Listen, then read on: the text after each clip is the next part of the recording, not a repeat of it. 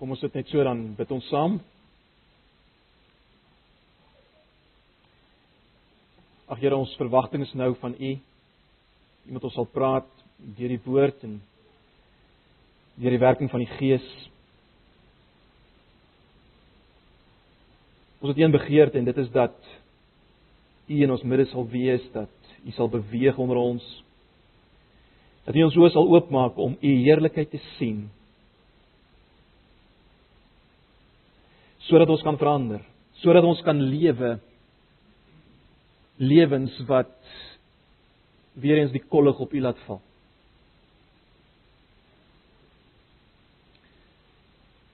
Kom Here, kom praat met ons, kom werk met ons. Ons oë is op u en op u alleen. Ag Here, ons bid net vir oggend vir elkeen wat nie kan wees nie, heel party mense wat siek is, swaar kry vir oggend, ander wat weg is. Wil U naby hulle ook wees? Wil U ook vir hulle versterk waar ook al mag wees vir oggend? Wil jy hulle innerlik vernuwe? Wil jy hulle help om U te sien in al U grootheid en heerlikheid? Asseblief. Ons kom gee nou alles wat verder gaan gebeur in hierdie oggend, Here, kom gee ons vir U. En ons bid dit alles in die naam bo alle name, Jesus ons Here. Amen.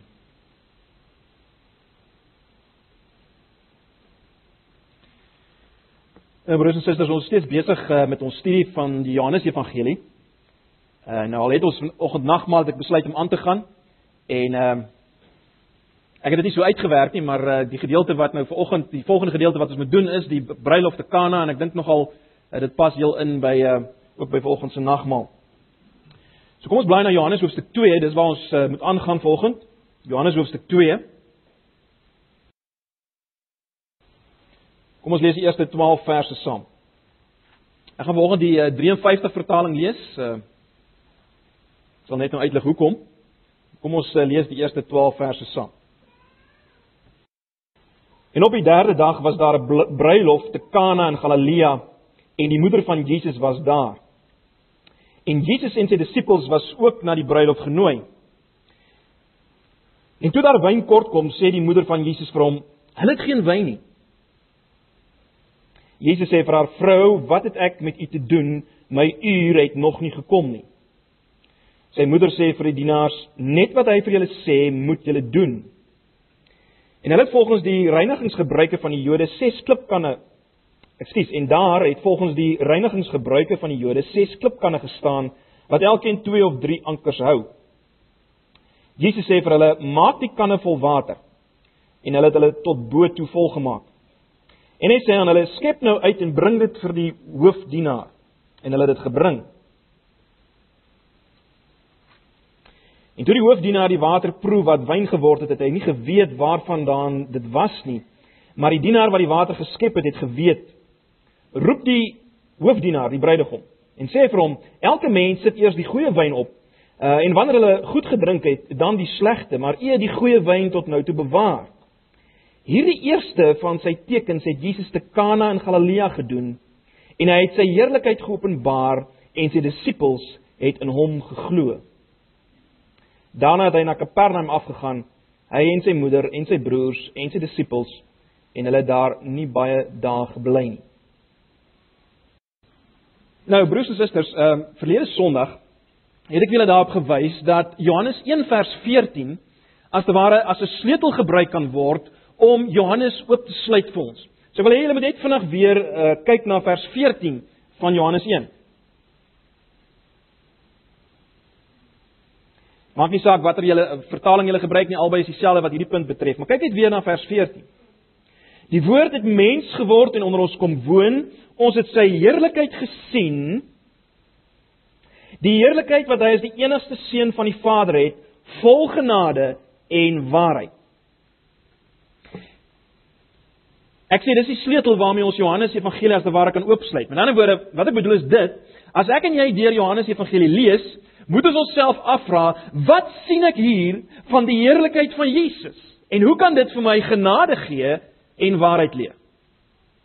Dis wat ons moet doen as ons besig is met die uh, Johannes se evangelie. En broers en susters, as ons dit doen, moet ons met 'n verwagting dit doen. Want hierdie sien waarvan ons praat, hierdie sien van die heerlikheid, het geweldige effek. Geweldige effek. Oorvloedige effek. Kyk net weer na vers 16 van hoofstuk 1. Ekskuus, ons uh, ons gaan nou na ons gedeelte beweeg, maar ek wil net hê julle moet dit raak sien. Kyk net na vers 16 weer van hoofstuk 1. Vers 16. Uit sy oorvloed het ons almal genade op genade ontvang. Uit sy oorvloed het ons almal genade op genade ontvang. Met ander woorde, Johannes die skrywer sê hy en die ander disippels wat die heerlikheid van Jesus gesien het, het genade op genade ontvang. Meer genade as wat enige iemand in die Ou Testamentiese bedeling dit ontvang het. Het hulle ontvang. Genade op genade. Kom ek stel dit so, wanneer God 'n mens se oë open om die heerlikheid van Jesus te sien, sy skoonheid, sy grootheid, sy waarde, dan gebeur daar iets.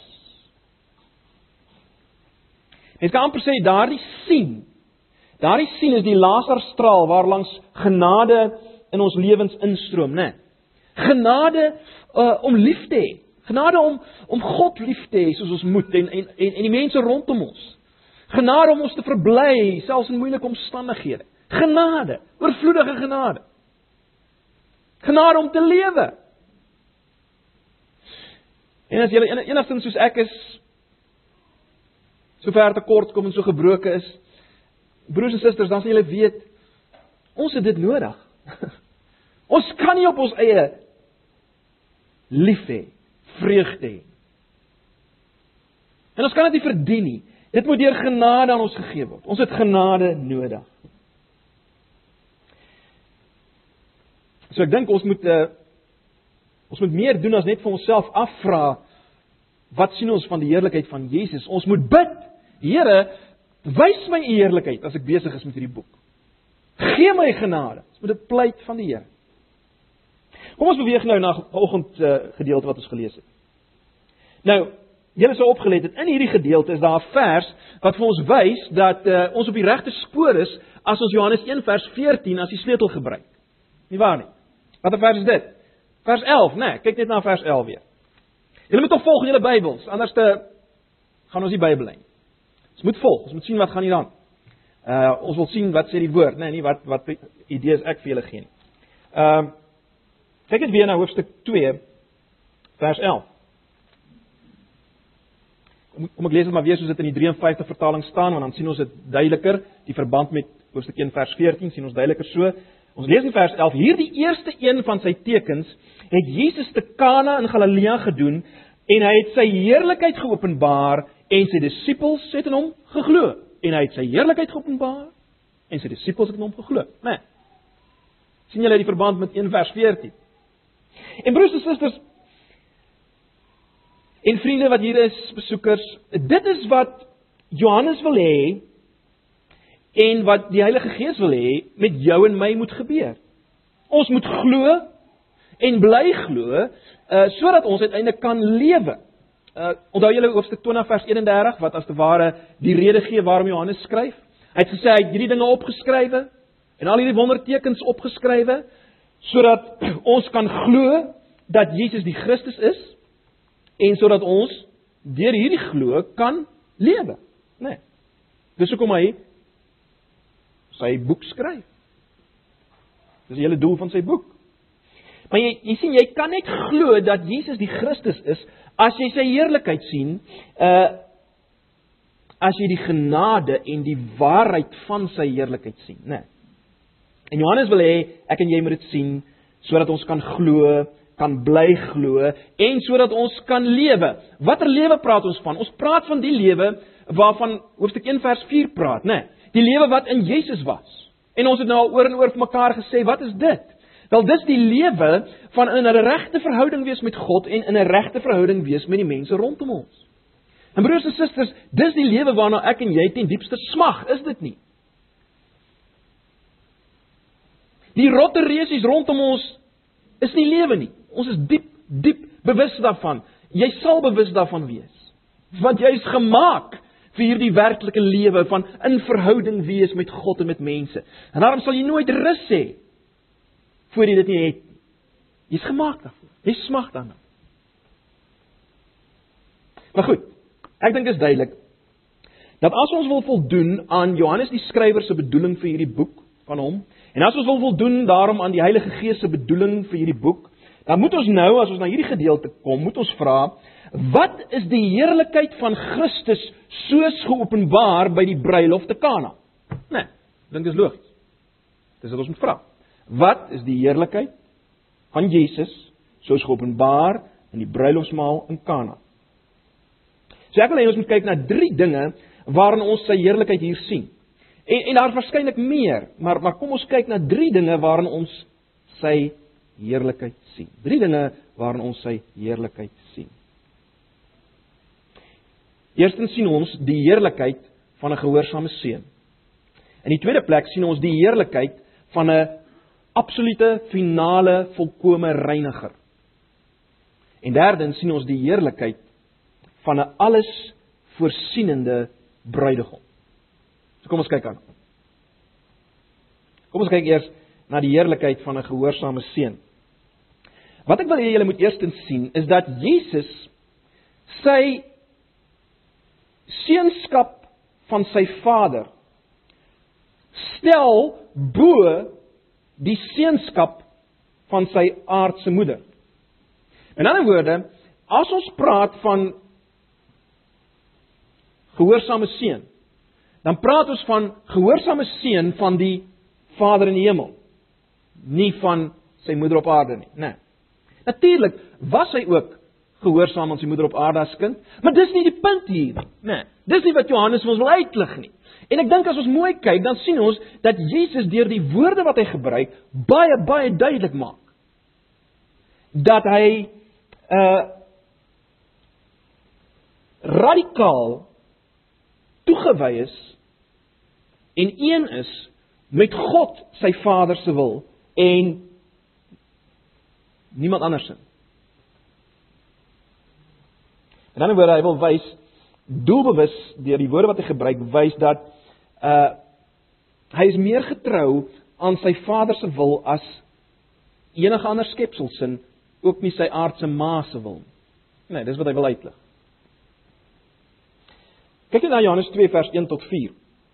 En die rede hoekom ek uh, die 53 vertaling gelees het, lê juis hier. Kom ek lees dit weer. En op die derde dag was daar 'n bruilof te Kana in Galilea en die moeder van Jesus was daar en Jesus en sy disippels was ook na die bruilof genooi. En toe daar wyn kort kom, sê die moeder van Jesus vir hom, hulle het geen wyn nie. Jesus sê vir haar, "Vrou," en dis die gedeeltjie wat uh, nie in die 83 vertaling is nie, maar is daar. En is vir 'n rede daar in die oorspronklik, né? Nee. "Vrou, wat het ek met u te doen? My uur het nog nie gekom nie."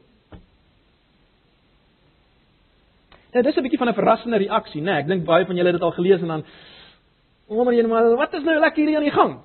Dit lyk 'n bietjie ongeskik, né? Nee. Dis 'n verrassende reaksie en en en Jesus het geweet dit is 'n verrassende reaksie en Johannes wat dit neergeskryf het, was bewus dat hy 'n verrassende reaksie neerskryf, né? Nee. Kom ek sê dadelik, daar was niks wat wat kultureel bepaal het in daai tyd dat jy nie jou ma as ma kon aanspreek. Aan die ander woorde dat hy nie kon sê moeder of ma wat het ek met jou te doen nie. Daar da was niks kultureel wat dit verbied het nie. Hy kon dit gesê. Dit was die normale manier om dit te sê. Maar hy doen dit doelbewus nie. Nee. Hy spreek haar aan as vrou en en uh dis hoekom ek die 53 vertaling gelees het, dis spesifiek daar in die teks, nê. Nee. Hy spreek haar aan as vrou. Vrou. Nou. Hierdie reaksie van hom is nie is nie noodwendig disrespekvol nie, maar maar is dis redelik kort af. En en die hele rede daarvoor is om haar as te ware af te sit. As geen twyfel daar. Hy wil haar afsit. En hierdie hierdie soort van kort af manier word nie net gesien in die feit dat hy haar vrou noem nie. Jy sal ook sien, hy sê vir haar, "Wat het ek met u te doen?" Nou dis baie interessante woorde. Hierdie frase uh, is presies die frase wat 5 keer in die Nuwe Testament gebruik word waar demone Jesus aanspreek. Waar demone Jesus aanspreek. En elke keer gebruik hulle dit wanneer Jesus as te ware hulle terrein betree, né? Nee. Waar Jesus hulle terrein betree en begin om gesag uit te oefen uh waar hulle in beheer was. Elke keer wanneer Jesus dit gedoen het, het hulle vir hom gesê, "Wat het ons met u te doen?" Seun van God. Elke keer as Jesus hulle terrein betree en gesag daar uitoefen. Met ander woorde, wat hierdie frase hier wil sê is dit. Jesus wil as te ware vir Maria sê, "Jy beweeg op my terrein. Jy kan nie gesag hier uitoefen nie. Jy het niks hier te sê nie. Dis nie jou plek om my krag in te roep nie. Kyk, dit lyk wel op sy ma verwag het hy moet iets doen, né? Daar word nie presies gesê wat sy wou gehad het hy moet doen nie, maar ek dink ons kan aflei sy wou gehad het hy moet iets doen. Maar maar hy sit daar af. Hy's kort af met haar as sy dit vra.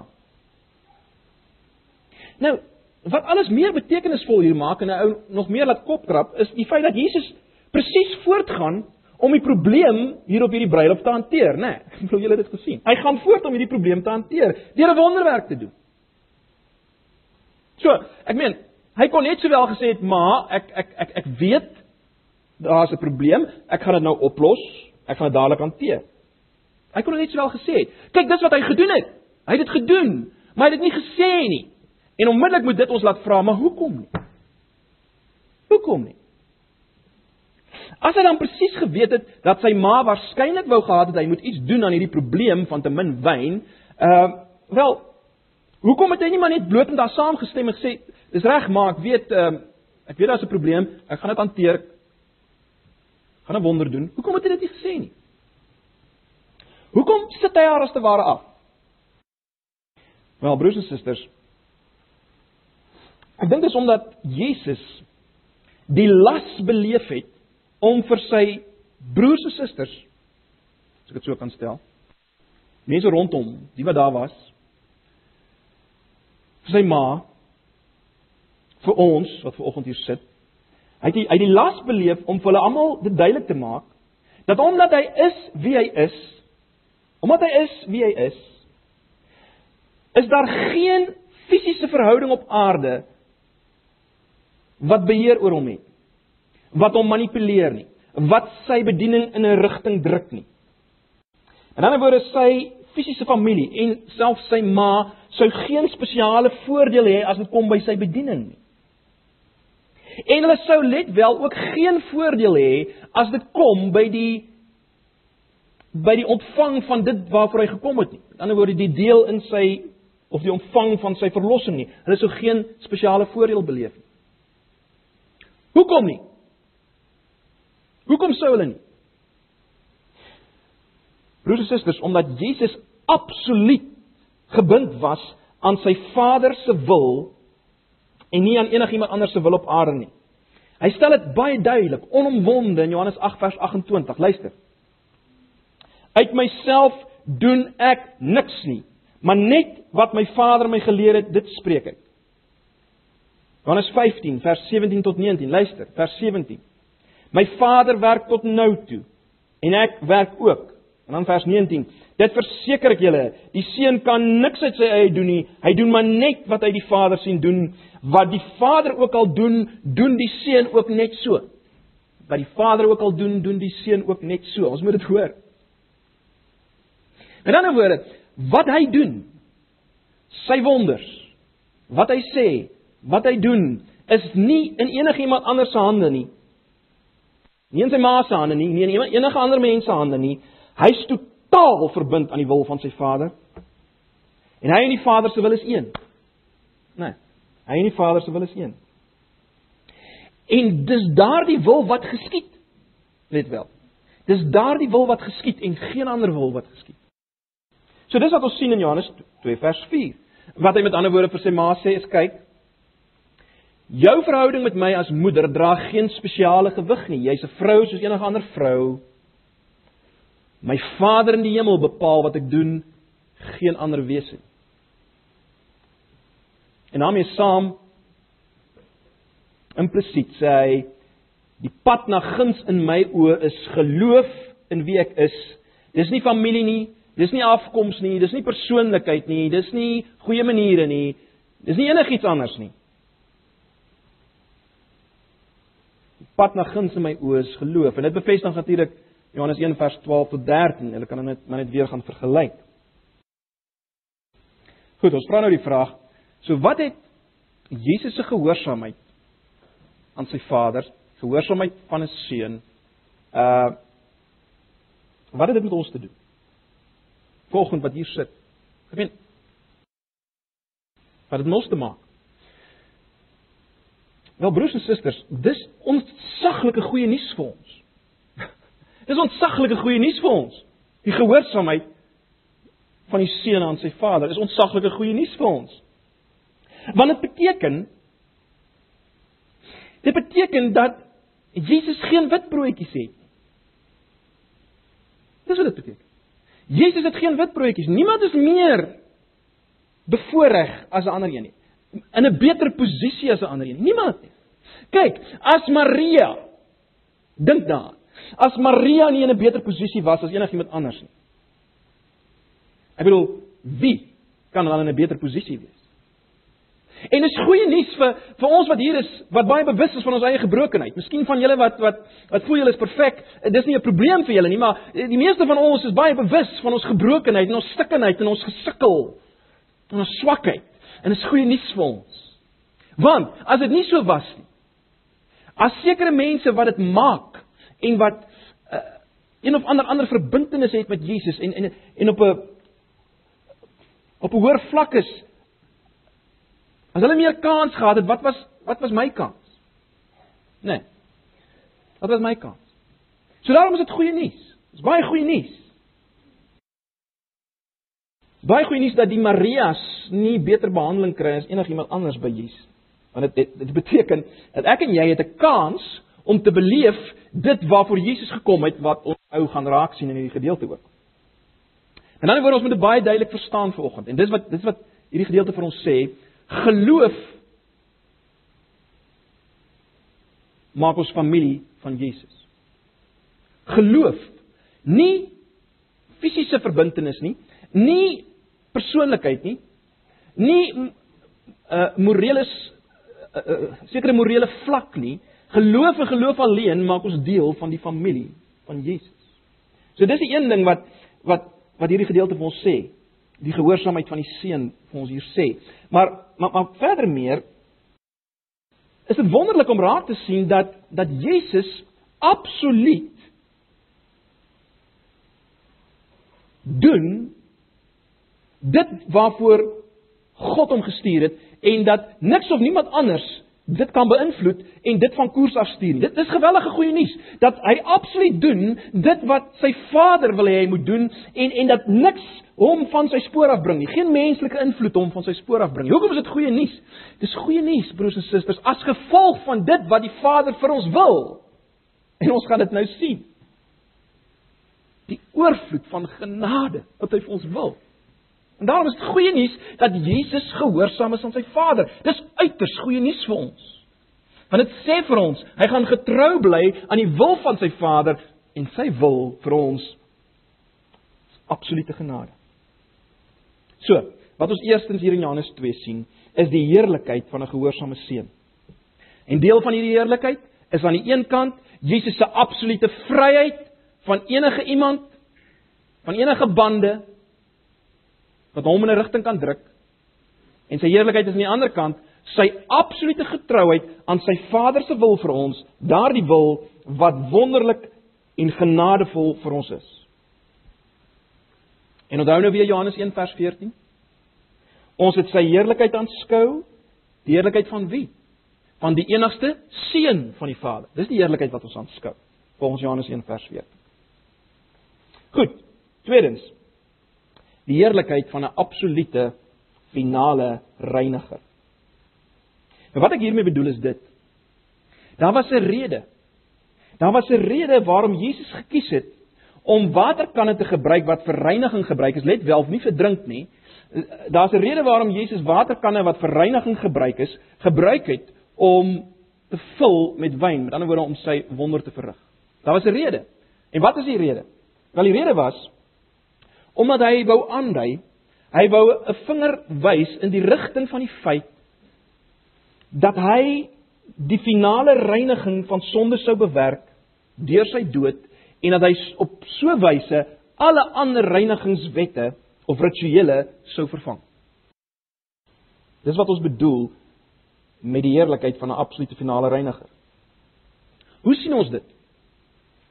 Hoe sien ons dat Jesus deur wat hy hier doen 'n vinger wil wys in die rigting van die feit dat hy deur sy dood 'n reiniging gaan bewerk wat die Joodse uh, Joodse rituele nooit kon bewerk nie en wat geen ritueel kan bewerk nie. Hoe sien ons dit hier? Wel, ons sien dit in die eerste plek uh, as Jesus vir sy ma in vers 4 sê, "My uur of my tyd het nog nie gekom nie." Wat is Jesus se uur of sy tyd volgens Johannes Evangelie? Wat is dit? Wel, Dis die uur van sy dood wanneer hy vir sondaars sondaars sou sterf en reiniging van sonde sou bewerk. Dis sy uur. Dis sy uur. Dis sy tyd in Johannes. Kom ek uh, gee net 'n paar voorbeelde. Julle hoef nie nou weer na te slaan nie. Johannes 7 vers 30. Hulle wou hom toe gevange neem en tog het niemand dit gedoen nie omdat sy tyd of letterlik sy uur nog nie gekom het nie. Johannes 8 vers 20. En tog het niemand hom gevange geneem nie omdat sy tyd of dan sy uur nog nie gekom het nie. Johannes 12 vers 27. Nou is ek diep ontstel. Wat moet ek sê? Moet ek sê Vader, red my uit hierdie uur? Maar juis hiervoor het ek gekom vir hierdie uur. Ek het juis gekom vir hierdie uur. Johannes 12 vers 23 tot 24.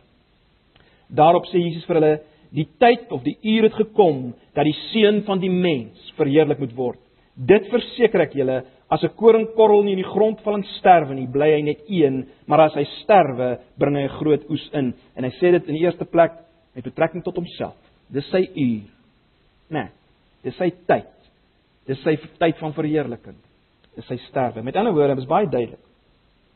Jesus se uur was die tyd van sy dood, wanneer hy as die lam van God, as die plaasvervangende lam, uh ons sonde op hom sou neem, vernietig sou word in ons plek en volkomme reiniging van sonde sou bewerk. Dit is baie interessant dat dieselfde Johannes in sy brief in 1 Johannes 1 vers 7 sê die bloed van sy seun reinig ons van alle sondes. Dieselfde werkwoord wat gebruik word, né, nee, in sy brief. Die bloed reinig ons van alle sonde. So die term reinig is belangrik, né? Nee, die bloed reinig ons van alle sonde. En uh dis wat Jesus die vinger na wil wys hier dat hy die finale reiniger van sonde is. 'n Tweede aanduiding van die feit dat hy 'n vinger wil wys in die rigting van die feit dat hy die finale reiniging reiniger is, is dit. Julle sou opgelet het dat uh selfs al het Jesus gesê my uur het nog nie gekom nie, selfs al het hy dit gesê, het hy nog steeds voortgegaan om hierdie wonder te verrig. So dit lyk asof Jesus deur wat hy hier doen sê, kyk, Die uur van my dood, die klimaks is nog nie hier nie. Maar ek gaan vir julle 'n teken gee. Ek gaan vir julle as te ware 'n gedemonstreerde gelykenis gee van my dood en wat dit beteken. Dis wat ek gaan doen. Ek gaan vir julle 'n gedemonstreerde gelykenis gee van my dood en wat dit beteken. Die derde aanduiding van die feit dat Jesus hier 'n vinger wys in die rigting van wat hy sou doen deur sy dood, die finale reiniging wat hy daardeur sou bewerk, Uh, die derde ding is geleë in die feit dat hy die diensknegte beveel om hierdie reinigingskanne te vul met water. Ek het nou net gesê en ek herhaal dit weer. Hierdie reinigingskanne is nie gebruik vir drinkwater nie. Dis nie kanne wat hulle gehad het en water ingegooi en dan drink die ouens daarvan nie. Hierdie kanne is gebruik vir reinigingsrituele. Hulle is basies gebad ehm uh, met die water in hierdie kan. So. Dit lyk asof Jesus wil sê dit is soos my uur sal wees. Aan die ander as hy as hy as hy die as hy hierdie reinigings kan kan gebruik. Dit is soos my uur sal wees. Ek sal die reinigingsrituele van Israel as te ware vat en dit vervang met 'n beslissende finale weg van reiniging, naamlik deur my bloed. En ons sal weet as mens verder in Johannes lees dan Dan sê Jesus in Johannes 6 vers 55, my bloed is die ware drank. Vers 53 van Johannes 6 sê hy, as julle nie die bloed van die seun van die mens drink nie, het julle geen lewe nie. So.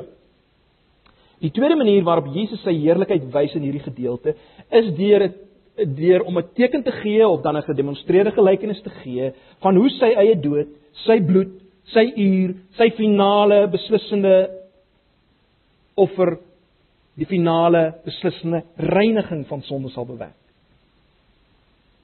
En broers en susters, is dit nie iets ongeloofliks nie? Ons is so gewoond daaraan. Ons is so gewoond daaraan. Maar dink wat sê dit vir ons? Dit sê vir ons dat daar is geen ritueel. Niks wat gedoen kan word. Daar's daar's nie so iets nie. Daar's nie iets wat gedoen kan word om van sonde te reinig. Daar's daar's niks. Daar's nie so iets. Daar's nie iets wat gedoen kan word nie, daar's ook nie iets wat gedoen moet moet word nie. Nee, dis dis wat dit vir ons sê. Daar's net een manier om skoon te staan vir voor God. Net een manier. En dis deur die bloed van die lam.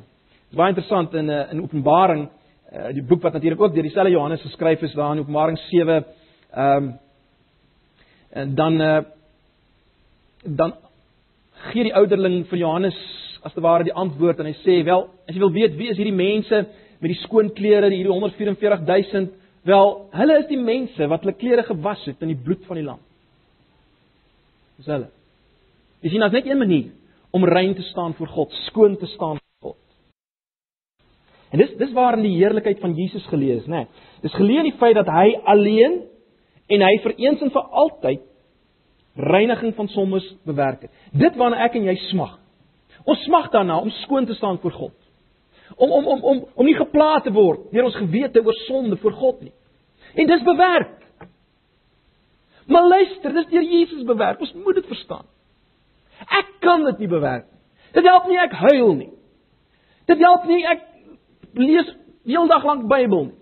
Ek kan doen wat ek wil, al my belydenis, al daai dinge, dis nie wat my reinig nie. Al my mooi lewe. Al my toegewydheid. Al my dissipline. Dit help niks nie. Dit reinig my nie. Jesus en hy alleen reinig. Hy is die reiniger, die finale reiniger van sonde. Ons moet dit verstaan, ons moet dit sien ook in hierdie gedeelte. So wat ek wil sê is dit broers en susters, moet nooit weer draai na enige ritueel om jou te reinig. En o, ons het al ons ritueeltjies, nê. Nee, wat ons dink, kyk as ek daarom net hierdie ding doen, dan is ek rein, dan sien God my as rein. Nee, nee, nee, nee, jy maak 'n fout. Daar net een reiniger. Net een ding wat jou reinig, en dis die bloed van Jesus. Wat hy gedoen het in jou plek. Dit bring ons by die laaste die laaste plek waar ons die heerlikheid sien en dis die heerlikheid van 'n alles voorsienende bruidegom. Dit is baie interessant in Johannes 3. Johannes 3 vers 29 tot 30 dan uh dan praat Johannes die, die doper. Nie Johannes die skrywer nie, Johannes die doper praat in Johannes 3 vers 19 tot uh ekskuus vers 29 tot 30. Praat Johannes die doper vir die laaste keer oor oor oor Jesus wat meer is as hy en luister wat sê hy. Luister wat sê hy. Die bruidegom is die een aan wie die bruid behoort, maar die vriend van die bruidegom staan en luister of hy kom en is baie bly wanneer hy die stem van die bruidegom hoor. Daarom is ek nou met blydskap vervul. Hy moet meer word en ek minder. Ja, dit is interessant, is dit nie? Die laaste ding wat Johannes die Doper in hierdie evangelie omtrent Jesus te sê het, is dat Jesus die bruidegom is wat 'n bruid het en sy bruid is uit die aard van die saak die groeiende groep disippels, né? Nee, dis die laaste ding wat Johannes die Doper te sê het oor Jesus. Hy is die bruid en hy het 'n groeiende bruidegom. Die die die, die, die disippels wat meer word. Dis die laaste ding wat Johannes die Doper sê. En nou kom Jesus en die eerste wonderteken wat hy doen is om te voltooi wat die bruidegom by hierdie bruilof nie kon doen nie. Dis die eerste wonderteken wat hy doen. Wat julle moet raak sien in Johannes 2 vers 9 tot 10. Ek dink is baie duidelik. Ehm um, is die feit dat die bruidegom in daardie dae by 'n bruilofsfees en ook in hierdie geval, die bruidegom was die een wat verantwoordelik was vir die voorsiening van wyn op die bruilofsdag, né? Nee. Hy moes sorg dat daar uh, genoeg wyn is op die bruilofsdag. In per implikasie sou dit beteken as die wyn opraak, was dit sy fout, né? Nee. As die wyn so opraak op die bruilof, dan was dit die bruidegom se fout. Luister na vers 9. Ek lees dit in die 83. Die seremoniemeester het nie geweet waar dit vandaan kom nie. Uh maar die kelners wat die water uitgeskep het, het geweet. Toe die seremoniemeester die water proe wat wyn geword het, roep hy die bruidegom. Let wel hy roep die bruidegom. En hy sê vir hom: "’n Mens sit gewoonlik eers die goeie wyn voor en as die mense goed gedrink het, die van die van swakker gehalte. Maar jy, jy praat met die bruidegom, maar jy het die goeie wyn tot nou toe teruggehou." Nou, ons weet hy het nie, né? Nee. Ons weet die wyn het onder sy toesig opgeraak. Hy het 'n flop gemaak. Hy het misluk. Hy kon nie genoeg hy hy, hy het nie goed genoeg beplan sodat daar genoeg wyn is. En dis die geval met bruidegomme op aarde, né? Nee, hulle misluk. Hulle misluk. Dis die geval met bruidegomme op aarde. Dis die geval met mense op aarde. Hulle misluk. En dis wat ons moet raak sien hier broers en susters, dis dat nou kom Jesus op sy stil almagtige manier en hy kom en hy neem die rol oor van 'n perfekte alles voorsienende bruidegom, né? Nee. Uit hierdie water kom wyn beter as wat daar nog ooit was. Beter as wat enige aardse man ooit kon voorsien, dit gee hy. So dis die derde manier waarop Jesus sy heerlikheid wys by hierdie bruilof. Hy wys sy heerlikheid deurdat hy homself toon as die alles voorsienende finale bruidegom wat vir sy bruid kan gee wat sy nodig het. Né? Nee. En wie sy bruid? Wel sy bruid is is ons wat ver oggend hier sit. En die ontelbare menigte oor die aarde wat hom aanroep. Vir wie hy reiniging bewerk het. Dis sy bruid. Ons wat ver oggend hier sit, wat deel het aan hom en die ontelbare menigte vir wie hy reiniging bewerk. Dis sy bruid. So. Broers en susters, elkeen van hierdie hierdie kom ons noem dit manifestasies van heerlikheid, gehoorsame seun, 'n finale reiniger, alles voorsienende bruidegom. Elkeen van hierdie dinge vloei oor, is dit nie, van van genade. Dit vloei oor van genade, dink daaroor. Dis genade. Uit sy volheid het ons ontvang genade op genade. Ek lê klem op die hele gedagte van oorvloed, né? Nee, ek het alreeds daarna verwys. Nou, net 'n laaste gedagte. Dit is baie interessant. Uh as mens as mens die Ou Testament gaan lees, dan sien mens dat dat die profete die profete het 'n visie voorgehou aan die volk van 'n tyd waarin hulle sal terugkeer uit ballingskap, 'n tyd waarin hulle weer in die land sal kom, 'n tyd wanneer God weer in hulle midde sal wees, uh waar daar 'n gewellige insameling sal wees van die volk en in sommige plekke het dit deurgeskyn dat dit ook 'n insameling van heidene sal wees Terwyl dit nog nie so duidelik was nie, maar dit was daar. Daar kom 'n tyd word soms genoem die dag. En hierdie tyd, hierdie dag, hierdie messiaanse tyd. Onthou hulle die Messias verwag. Hierdie messiaanse tyd sou 'n tyd van oorvloed wees. En dit is baie interessant as jy in die Ou Testament gaan lees, dan sal jy sien dat een van die tekens van hierdie tyd sal dit wees. Wyn wat in oorvloed vloei van die berge af oorvloed van wyn. En dis die teken van volheid in God se seën, wyn in die Ou Testament. Teken af. En dan kry ons, ons lees in Amos, gaan lees maar Amos 9. Gaan lees Joel 2, gaan lees Jeremia 31, dan sien jy hierdie beeld van die nuwe wyn wat van die berge in die hemel sal drup en sal vloei. Die water en die wyn hier op die bruilofsdag in Kana simboliseer dit, né? Nee.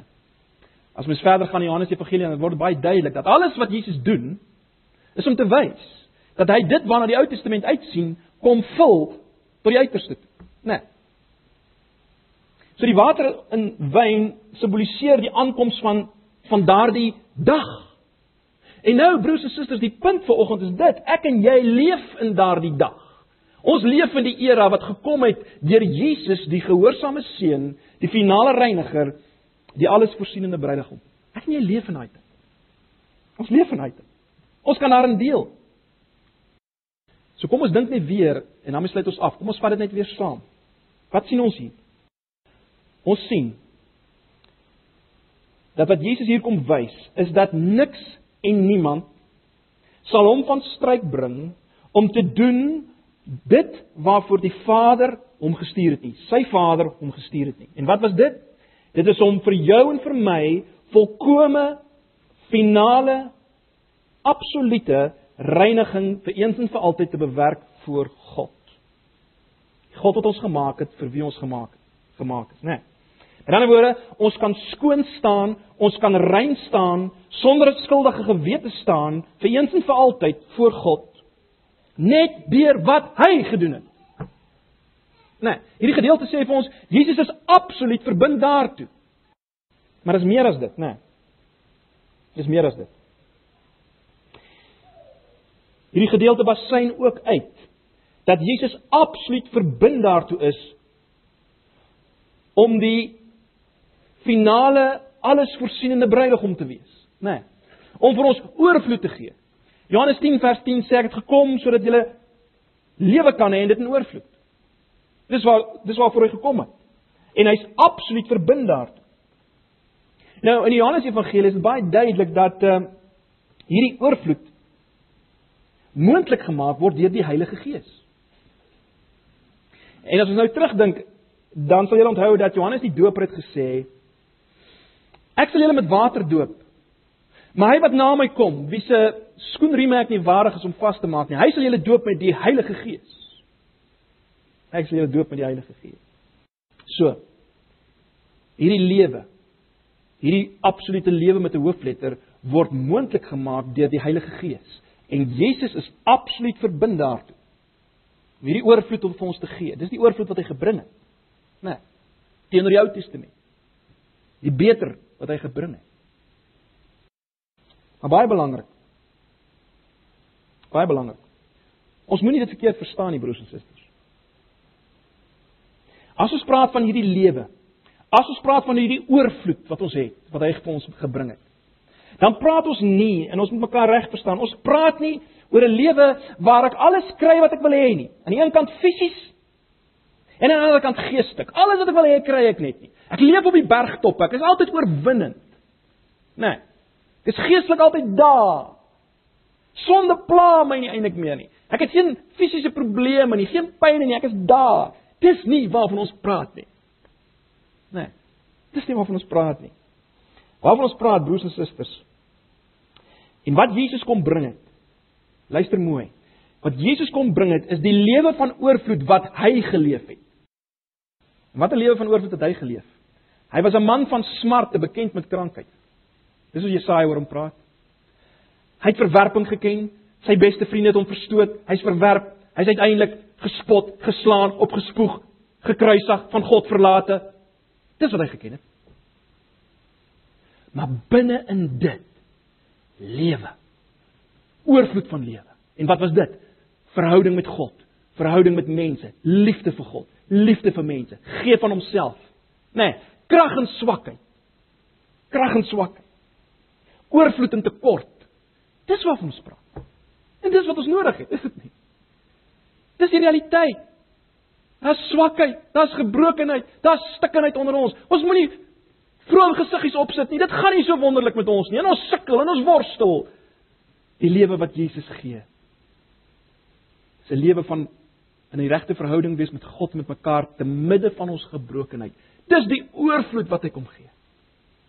Dis wat wat hy gebring het. Dis wat hy bewerk. Ag broers en susters, hy's alles wanneer ek en jy smag. Bewustelik of onbewustelik, is dit wanneer ons smag. Sy heerlikheid, genade, waarheid. Dis wat die wêreld nie kan gee nie, né? Nee. Daar's nie genade nie. Daar's nie waarheid nie. Dis wat hy gee.